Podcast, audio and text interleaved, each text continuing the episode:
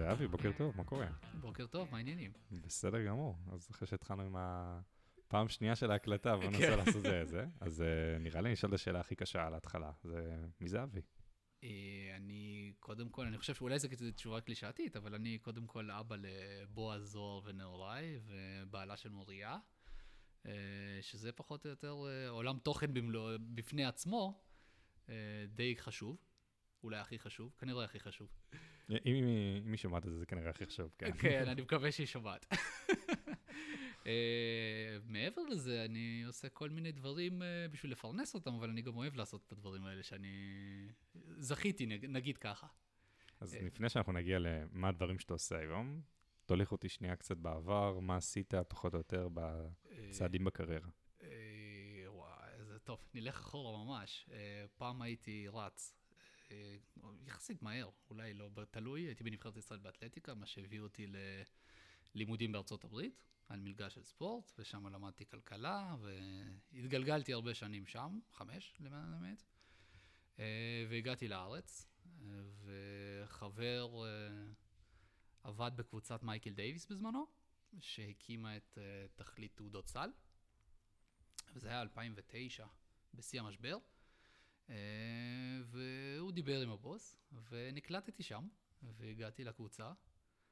אה, והיה לי שם כמה כובעים, הייתי גם בנוסטרו, שזה, נוסטרו זה כאילו ניהול ההון העצמי של הקבוצה, של מייקל דייוויס. אה, וגם אחת החברות שגידלנו מתוך הקבוצה, זו הייתה תכלית תעודות סל, שבסופו של דבר ניהלה 36 מיליארד שקל של תעודות סל.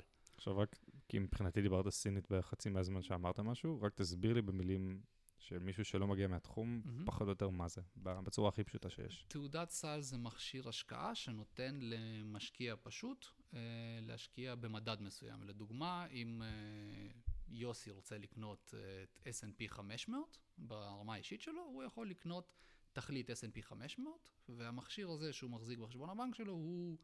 מחקה בדיוק את, את ה, מה שהפרפורמנס של המדד S&P 500. אוקיי. Okay.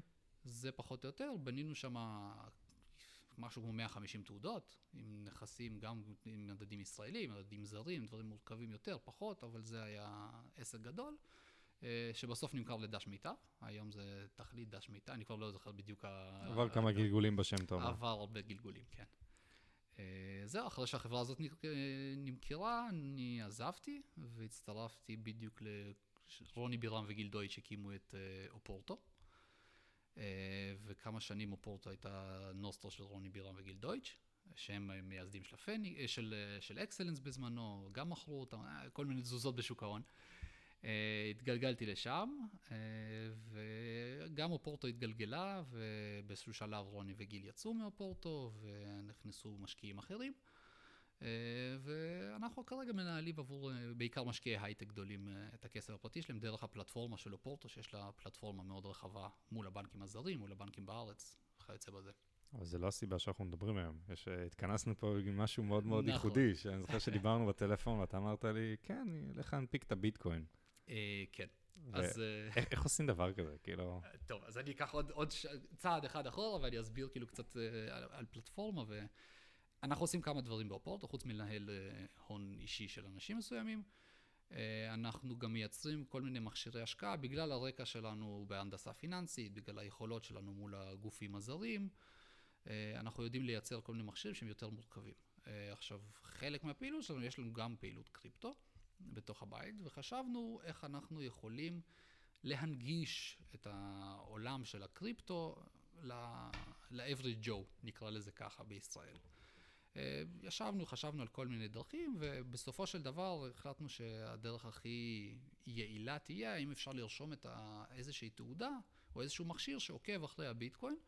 אה, בבורסה הישראלית, שכל אחד יוכל מהחשבון בנק הפועלים שלו, במקום לפתוח ארנק ולהחזיק, ועם כל הסיכונים והתסבוכת, ללכת לקנות עשרת אלפים שקל ולהחזיק ביטקוין. אה, ופה נולד הרעיון.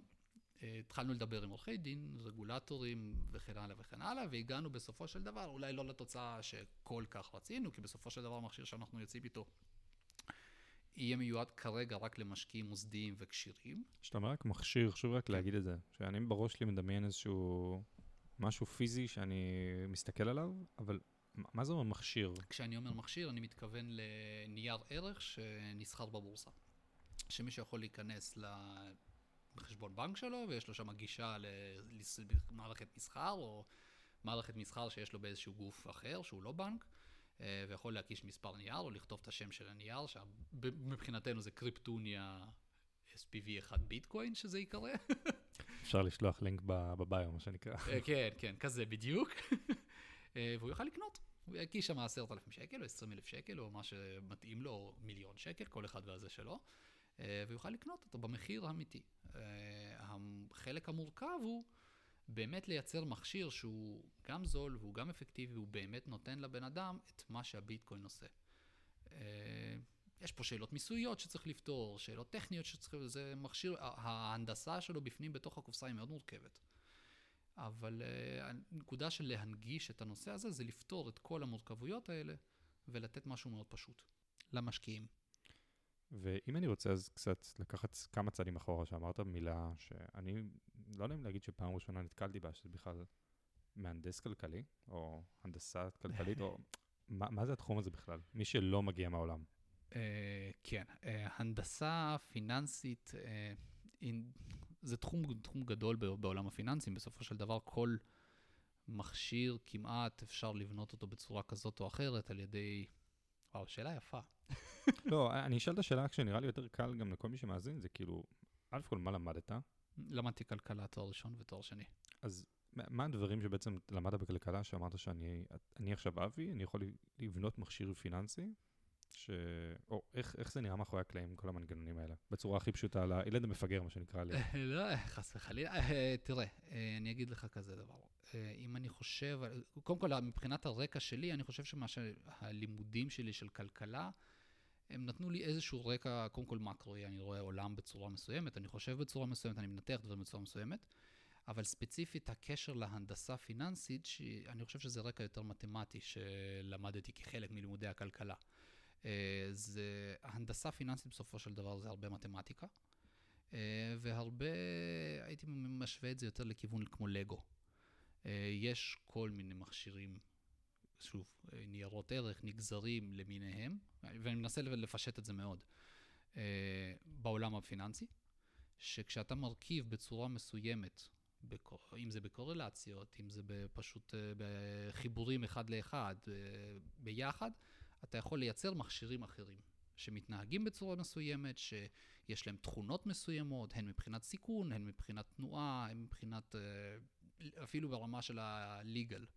של המנגנון המשפטי מאחורי זה. זה, זה הכל מתחבר בסופו של דבר, שאתה רוצה משהו שיתנהג בצורה מסוימת, אז צריך להרכיב לו את החלקים המסוימים מאחורה, כדי שהוא בסופו של דבר יתנהג בצורה מסוימת.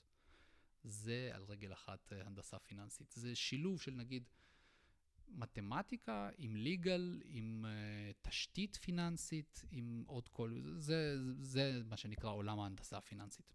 נראה לי שהבנתי, פחות או יותר, למרות שלא באמת הבנתי, אבל נראה לי שהבנתי. זה כזה... זה לגו. זה כן, זה לגו אני מבין, זה אין בעיה. כשאתה אמרת לגו, אני כזה מדמיין אותך, בונה דברים בזה.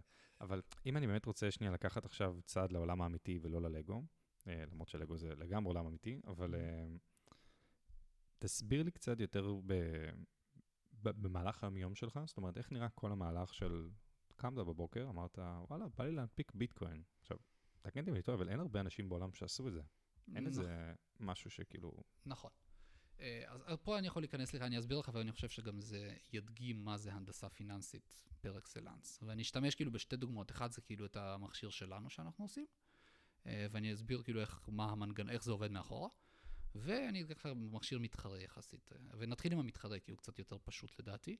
לפני כמה חודשים, נגיד חצי שנה, הנפיקו בארצות הברית תעודת סל של גרייסקייל שעוקבת אחרי הביטקוין. עכשיו, אומר עוקב, רק חשוב להדגיש מה, מה המונח הזה אומר. אה, אתה קונה מכשיר, ואם הביטקוין עולה 10%, אז תאורטית התעודה שהם הנפיקו אמורה לעלות 10%. אוקיי. Okay. אוקיי. Okay. עכשיו, מה הם עשו? בגלל בעיות רגולטוריות וכל מיני סיפורים uh, מפה עד להודעה חדשה בארצות הברית, הם לא יכלו באמת ללכת להנפיק תעודה ולקנות ביטקוין עצמו. אז מה הם עשו? בגלל שהרגולה SEC לא אישר להם. מה הם עשו? הם הלכו ובמקום לקנות ביטקוין, כי אם בן אדם למשל קנה את התעודה שלהם, ונתן 100 אלף דולר לחברה. והם צריכים לקחת עם ה-100 אלף דולר האלה, אם זה עולה 10 אחוז, הם צריכים להיות ב-110 אלף דולר, אם זה יורד 10 אחוז, הם צריכים להיות ב-90. נכון. איך הם יוצאים? הם לא יכולים להמר, הם לא רוצים להמר, לא רוצים סיכון. מה הם עושים? הם צריכים או לקנות ביטקוין, או לייצר את החשיפה הזאת, את התנועה הזאת ביחד עם הזה, באותה תנועה. מה שהם עשו, הם הלכו וקנו חוזים עתידיים על הביטקוין שנסחרים ב-CME. CME, זה, CME בור... זה? בורסת הסחורות הכי גדולה בעולם. אוקיי. Chicago Mercantile Exchange.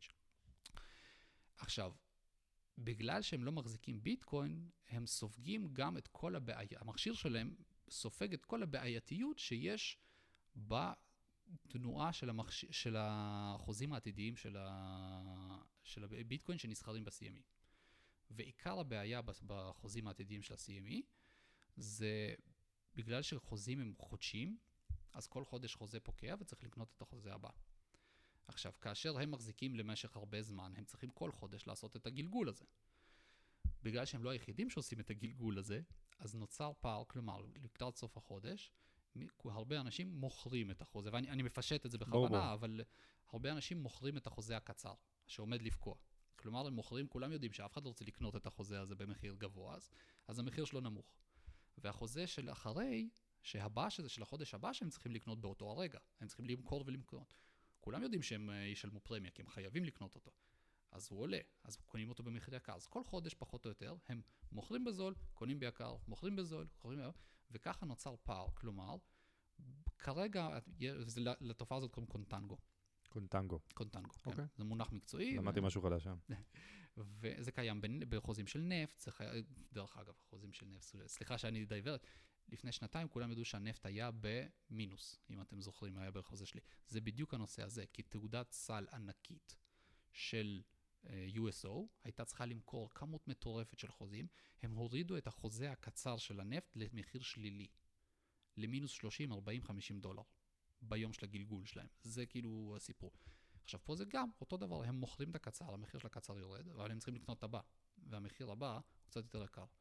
ומה שיוצר בפועל, שיש בשנה, אנחנו מאבדים בין מה שהביטקוין עושה לבין מה שהחוזים עושים, בין 8 ל-17 אחוז, תלוי בשנה.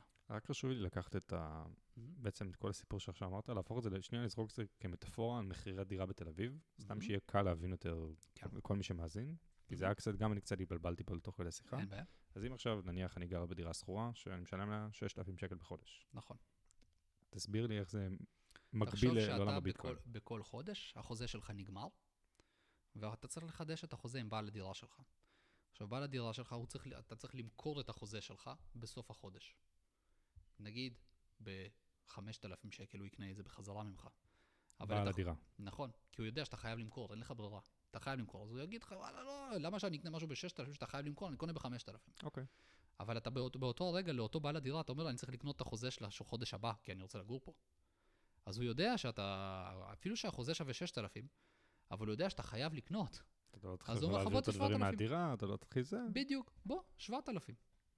הפער הזה, תאורטית הדירה עדיין שווה 6,000, אבל בגלל שהיית חייב למכור וחייב לקנות, והשוק יודע את זה, שוק משוכלל, אז אתה מנחרת נמוך, קנית גבוה, נשארת באותה דירה שכביכול שווה 6,000 שקל, הפסדת 2,000 שקל, אבל המחיר של הדירה לא זז, אתה הפסדת 2,000 שקל.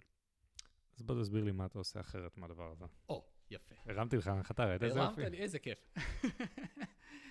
אז מה שאנחנו עושים, ואני חושב שזה הפריצת דרך שלנו, אנחנו פשוט קונים את הביטקוין. אנחנו לא צריכים לגלגל. אנחנו הולכים וקונים, נגיד, אנחנו ננפיק, ואני סתם זורק מספר, מיליון דולר, וייתנו לנו משקיעים מיליון דולר, אנחנו נלך עם מיליון דולר ונקנה ביטקוין במיליון דולר. זאת אומרת, אתה שומר את המחיר של הביטקוין חזרה למטאפורה של הדירות? ב... אני בעל הדירה. אתה בעל הדירה. נכון. זאת אומרת, החוזה עדיין נשאר כל הזמן, אתה מחדש את החוזה באותו מחיר. אני לא צריך את אין לי את החוזה. יש לי, שוב. יש לי את הדירה. אני בעל הדירה, זה הכל. מה שכן אני חשוף זה בכניסה, כשאני צריך לקנות את הדירה, כי אני, המכשיר שלי הוא לשנתיים, ובסוף הדרך, בעוד שנתיים, אני צריך למכור את הדירה הזאת. וזה כל החשיפה שאני לא צריך למכור ולקנות כל חודש בשביל להישאר עם החשיפה. כי אני בעל הנכס, אני לא סוחר אותו. וזו מטאפורה יפה, האמת, שלא חשבתי עליה. כן, האמת שזה באמת, זה עושה סדר פתאום בראש. כן, אני אשתמש בזה. לא, לא, תן לי כל פעם קרדיט שאתה להשתמש בזה. לגמרי. אז אם אני שנייה באמת מנסה לחזור back to storyline, מה שנקרא, אז זה מהלך שאתם בעצם עכשיו עושים, זה ממש בימים הקרובים, בחודשים הקרובים זה הולך לקרות? ככה, אז אני אגיד איפה, קודם כל אני רוצה לספר את הסיפור של בדיוק איך המכשיר שלנו מבחינת ההנדסה הפיננסית זהו, מעניין איך הוא התחיל. ככה. אז בגדול יש, היו כמה דברים שצריך לפתור. אה, אחד מהם זה היה שאנחנו צריכים לקבל אישור ממס הכנסה. אז הלכנו למס הכנסה, אה, וקיבלנו רולינג אחרי דיונים של אה, כמה חודשים שערכו, והיינו צריכים להסביר למה, ושזה בסופו של דבר, מה שהם הולכים למסות זה לא את הביטקוין, אלא את המכשיר שהוא כמו כל נייר ערך שנסחר, כמו כל אג"ח שנסחר בבורסה.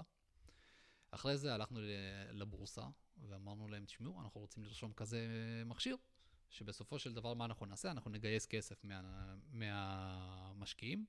אנחנו נלך, אנחנו ניקח, נקנה ביטקוין אמיתי, אנחנו נשים אותו במוסד שנקרא ביטגו, שזה ה custodian שלנו, שישמור בארנק קר את המטבעות שלנו. ולמה BitGo? בגלל של BitGo יש גם ביטוח של Lloyd's. כלומר, אם פורצים לארנק הקר שלנו, שנמצא ב cold storage של BitGo, וגונבים את הכסף משם, חברת ביטוח Lloyd's of London מחזירה את הכסף. זאת אומרת, אתה מבוטח באיזשהו מקום. כן. מי, ש... לא, מי שמבוטח זה ה custodian, אבל כן. בגלל שהוא מחזיק את הנכסים שלי, אז זה יחזר אליי. זה נוס... דבר נוסף שמבחינתנו היה ביטחון טוב. ועל זה הלכנו לנאמן אגרות חוב הכי גדול בארץ, שזה רזניק פז נבו, והראינו להם את המכשיר, והם אמרו, אוקיי, אנחנו, ואמרנו להם, אנחנו משעבדים לכם גם את המניות של החברה שלנו שמחזיקה את זה בשביל, לטובת המשקיעים. כלומר, בשביל לגנוב את הכסף צריך, אני לא רואה דרך. אז כאילו... עדיין, אנחנו... עדיין לא רואה עדיין, דרך. עדיין, כן. עדיין. אה, זהו, אז בגלל זה אנחנו החלטנו לעשות את זה, וזה פחות או יותר ההנדסה הפיננסית של כל המנוע מאחורי זה. עכשיו, אה, בגלל, שוב, יש שטנץ רגולטורי אחד שמחייב אותנו כרגע להנפיק את זה אך ורק למוסדיים, למשקיעים מוסדיים וכשירים. כשאתה אומר משקיעים מוסדיים, זה לא... פנסיות... זה לא כמוני כמוך, מה שנקרא. נכון, בדיוק. פנסיות, אה, חברות ביטוח, פמילי אופיסס, דברים כאלה, אנשים שהם מקצוענים. זאת אומרת, אם עכשיו אני כגלעד ארצה מחר בבוקר לקנות את האג"ח, אפשר לקרוא לזה?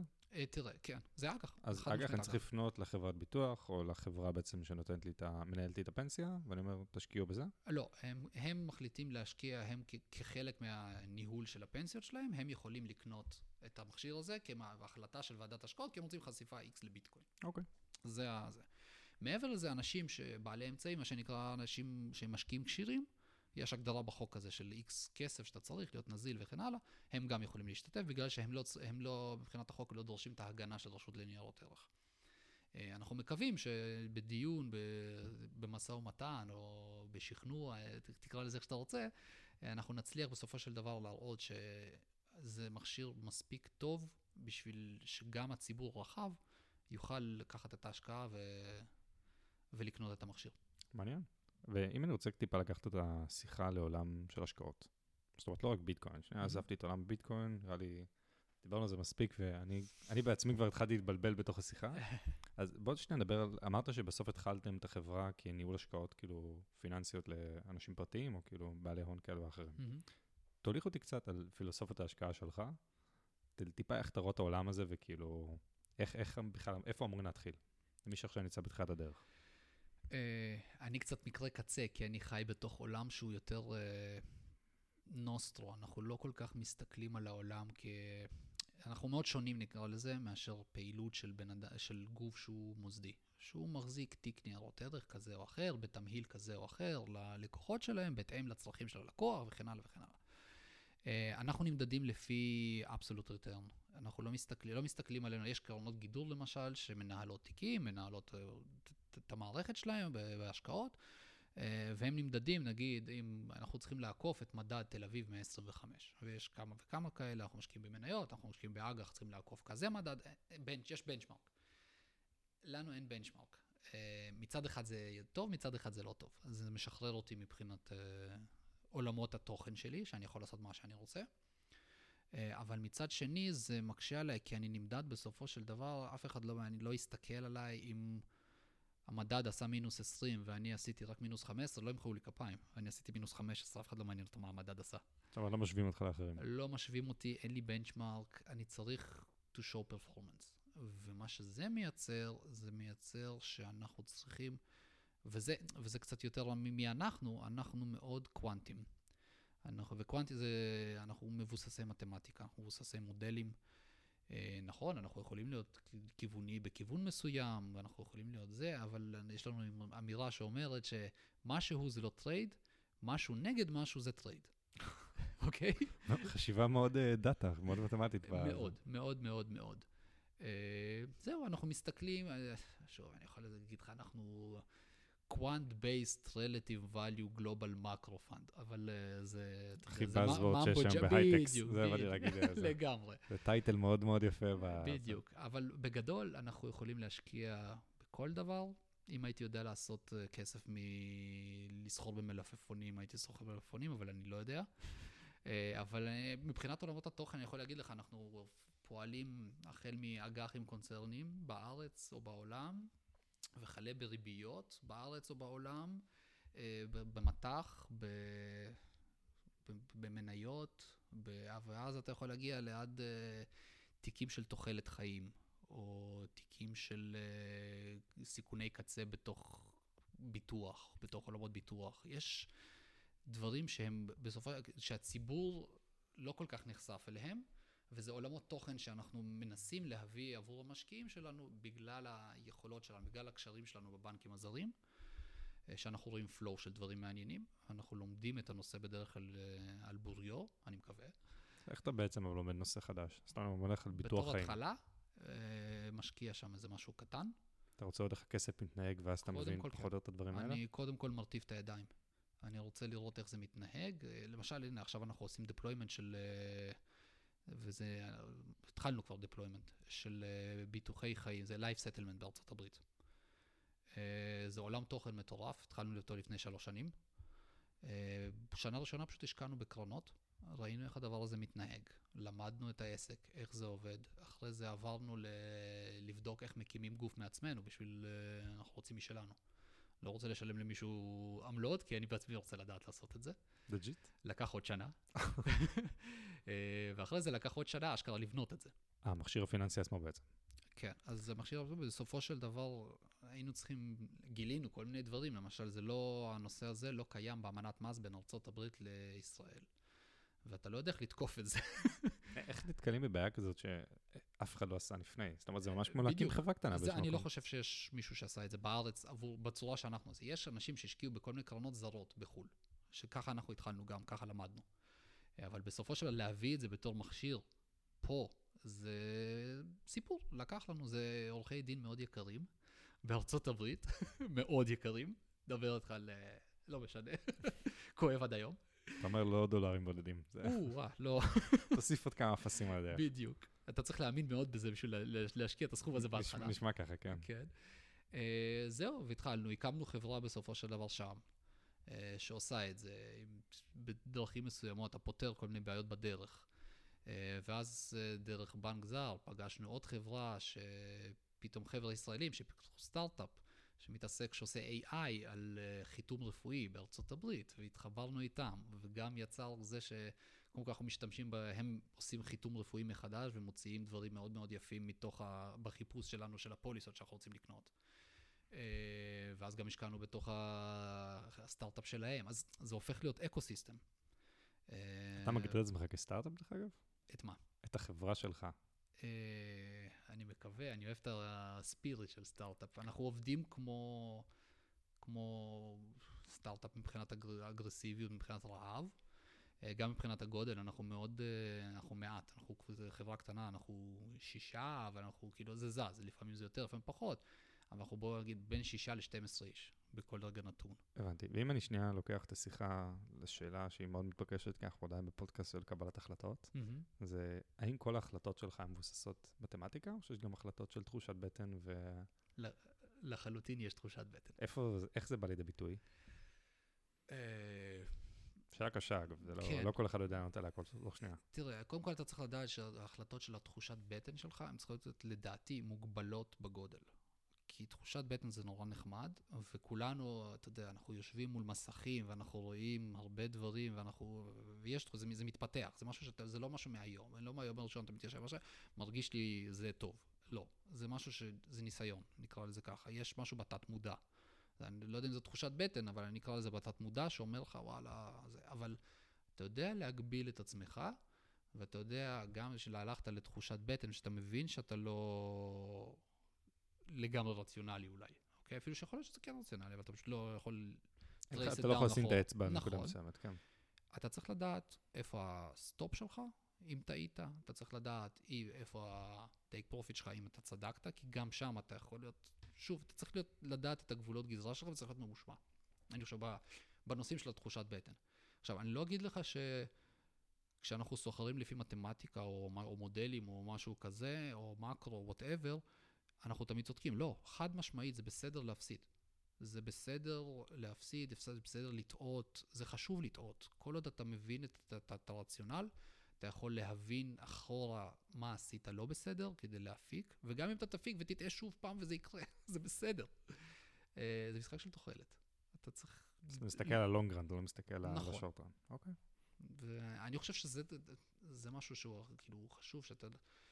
לנו יש יכולות שורטרן, כאילו בניגוד, בין, מה ההבדל בינינו נגיד בין, לבין משקיע מהבית, גם מקצוען ומבין, ואני נכנס, יש חבר'ה מאוד מקצועיים, uh, היכולות to deploy, היכולות להשתמש בתשתיות פיננסיות שלנו הן הרבה יותר גבוהות. כי פשוט לנו יש את התשתית. גם אם בן אדם מבין, בן אדם שאין לו תשתית, מבין את אותו הדבר כמו שאני מבין, היכולת שלו לבצע באפקטיביות, וגם להיכנס, גם לצאת, שלי הרבה יותר. זה, יש מחקרים שאומרים שאפילו עד 40% מהרווח שלך יכול להיות רק ביכולת ביצוע. וואו. אתה יכול לאבד כאילו כל כך הרבה בדרך, כך שבגלל זה אני חושב שבן אדם שהוא משקיע, נגיד עובד מהבית, או ויש הרבה כאלה חבר'ה. day trader ב day trader, ואני לא נגד day trader, יש לי, בתור מישהו שהיה גם market maker ב-CME, ואתה יודע, מסחר ב nanoseconds וכל המשחקים האלה, אני לא נגד, אבל צריך לדעת של... לתש... אתה צריך לדעת מה מגבלות התשתית שלך ולגזור את זה משם, גם את ההורייזון שלך. כי היכולות הטכניות האלה, הן מאוד חשובות, הן יכולות להרוג אותך. גם אם צדקת, אבל אתה יכול כאילו למות בדרך בגלל שאין לך את היכולת לבצע. מדהים. ואבי, אני מאוד אשמח, אנחנו מגיעים לקראת סוף הפרק, עברו כמעט 30 דקות, שלי זה עבר מאוד מהר, גם. מקווה שגם לך. ואני אשמח אה, לסיים איזשהו טיפ שלך לכל מי שמאזין. אמ, כל נושא שהוא, אין איזה משהו, לא אגיד לך איזה, אני לא מסמן לך בידיים, נגיד זה ככה. תאכלו בריא, סתם לא. תאכלו קורנפלקס עם דבש. כן, וואו, כן, זה פרסומת למישהו, לא משנה. אה, אני חושב שאני אתחבר אולי למה שאמרנו לנושא האחרון שדיברנו עליו. אה, מבחינת הורייזן ויכולות אה, ביצוע, כי אני, מדברים, מגיעים אליי חבר'ה, מדברים, שואלים שאלות, כי הם יודעים שאני עובד בעולם הזה. ואפילו ברמה של, אתה יודע, קרובי משפחה שמדברים. אה, וזה מה שאני כל הזמן רוצה להדגיש, כי אני חושב ש... צריך קודם כל להסתכל הורייזן מבחינת הזמן של ההשקעה, כי אנשים מסתכלים, אני רוצה להרוויח, לא יודע, 20% ביום. לא, צריך להיות מציאותי וצריך להבין, זה לא הימורים, חד משמעית לא הימורים, שוק ההון והשקעות. אה, צריך להיות מקצועי, צריך להבין, וצריך להבין את המגבלות ולעבוד לפיהם. אה, בן אדם שסוחר מהבית, והוא צריך להסתכל על ההורייזן ועל מה הפלטפורמה שלא יכולה לתת לו. אה, כי זה יכול להיות קטלני, וזה חבל. אז באמת, כאילו, ראיתי מקרים שפשוט כואב הלב. וזה לא כי הבן אדם יותר, פחות חכם ממני, או פחות מבין ממני, הוא פשוט צריך להבין על מה התשתית שלו. מדהים. אבי, תודה רבה. בכיף, היה ממש כיף.